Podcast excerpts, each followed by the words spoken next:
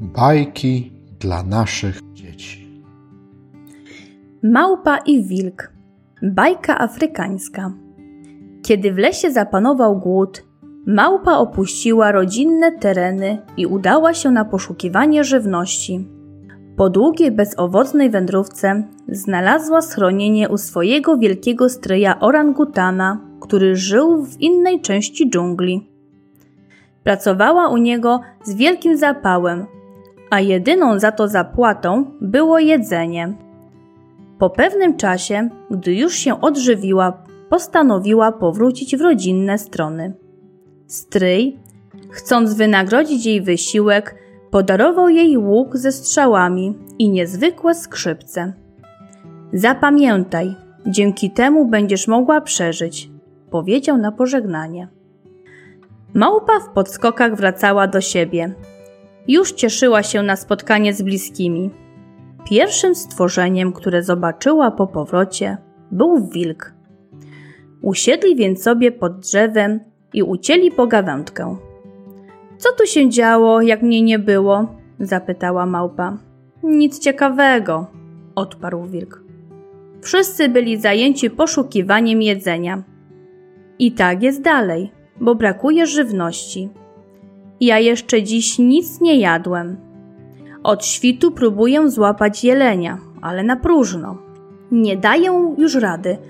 Chyba się zestarzałem. Jak tak dalej pójdzie, to przyjdzie mi umrzeć z głodu. Nie martw się, upolujemy coś. Zaprowadź mnie na tereny jelenia. Małpa zadeklarowała pomoc, bo wiedziała, co to głód. Udali się więc na poszukiwania jelenia. A kiedy go znaleźli, małpa zdjęła łuk, naciągnęła strzałę i wycelowała. I już po chwili wilk ucztował. Im bardziej był syty, tym zazdrośniej spoglądał na łuk. Muszę go mieć, rzekł. Oddaj mi ten łuk i strzały. Nie oddam, stanowczo odpowiedziała małpa. Ciężko na niego zapracowałam. I nie pomogły tu żadne groźby i prośby wilka. Ten zaś, widząc, że niewiele wskóra, zawołał na pomoc szakala. Zobacz, przyjacielu, małpa ukradła mi łuk i nie chce mi go oddać. Kłamał jak znud. Małpa próbowała się bronić, opowiedziała o swojej ciężkiej pracy u orangutana i wielkiej niewdzięczności wilka za to, że go nakarmiła. Ja sam tego nie rozstrzygnął. Musimy z tą sprawą udać się do sądu. Niech inne zwierzęta rozważą wasz spór. I wtedy w jego głowie pojawiła się myśl, żeby samemu zgarnąć łuk i strzały. Udali się zatem w głąb lasu, kiedy już zebrał się zacny skład sądu z lwem na czele, strony przedstawiły swoje racje. Dowody małpy świadczące o własności łuku okazały się zbyt słabe, tym bardziej, że szakal mówił na jej niekorzyść. Myślał bowiem, że w ten sposób sam go zdobędzie.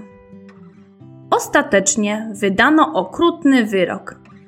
Skazano małpę na śmierć, ponieważ kradzież traktowana było jak największe zło.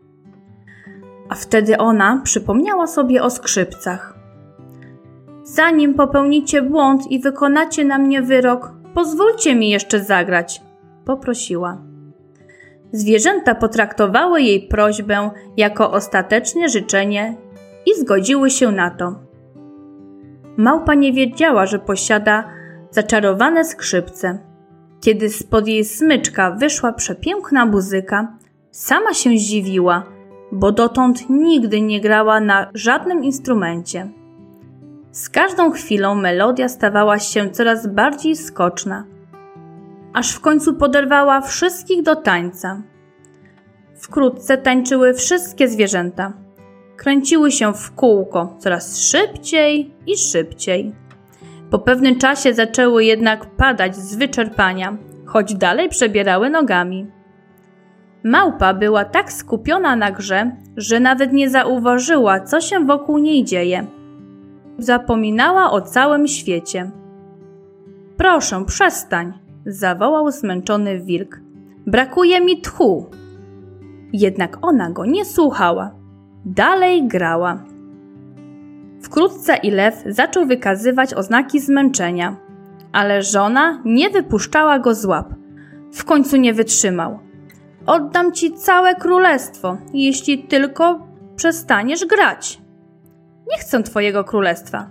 Bądź jedynie sprawiedliwy i zwróć mi łuk i strzały. Przyznaj także, że to wilk jest kłamcą, a nie ja, powiedziała. Przyznaję, przyznaję, zawołał. Jesteś niewinna, to wilk jest kłamcą. Wówczas małpa odłożyła instrument, zabrała swój łuk i strzały, po czym usadowiła się wysoko na najbliższym drzewie, a wszystkie zwierzęta, wystraszone, że małpa może na nowo rozpocząć grę, rozpierzchły się na cztery strony świata.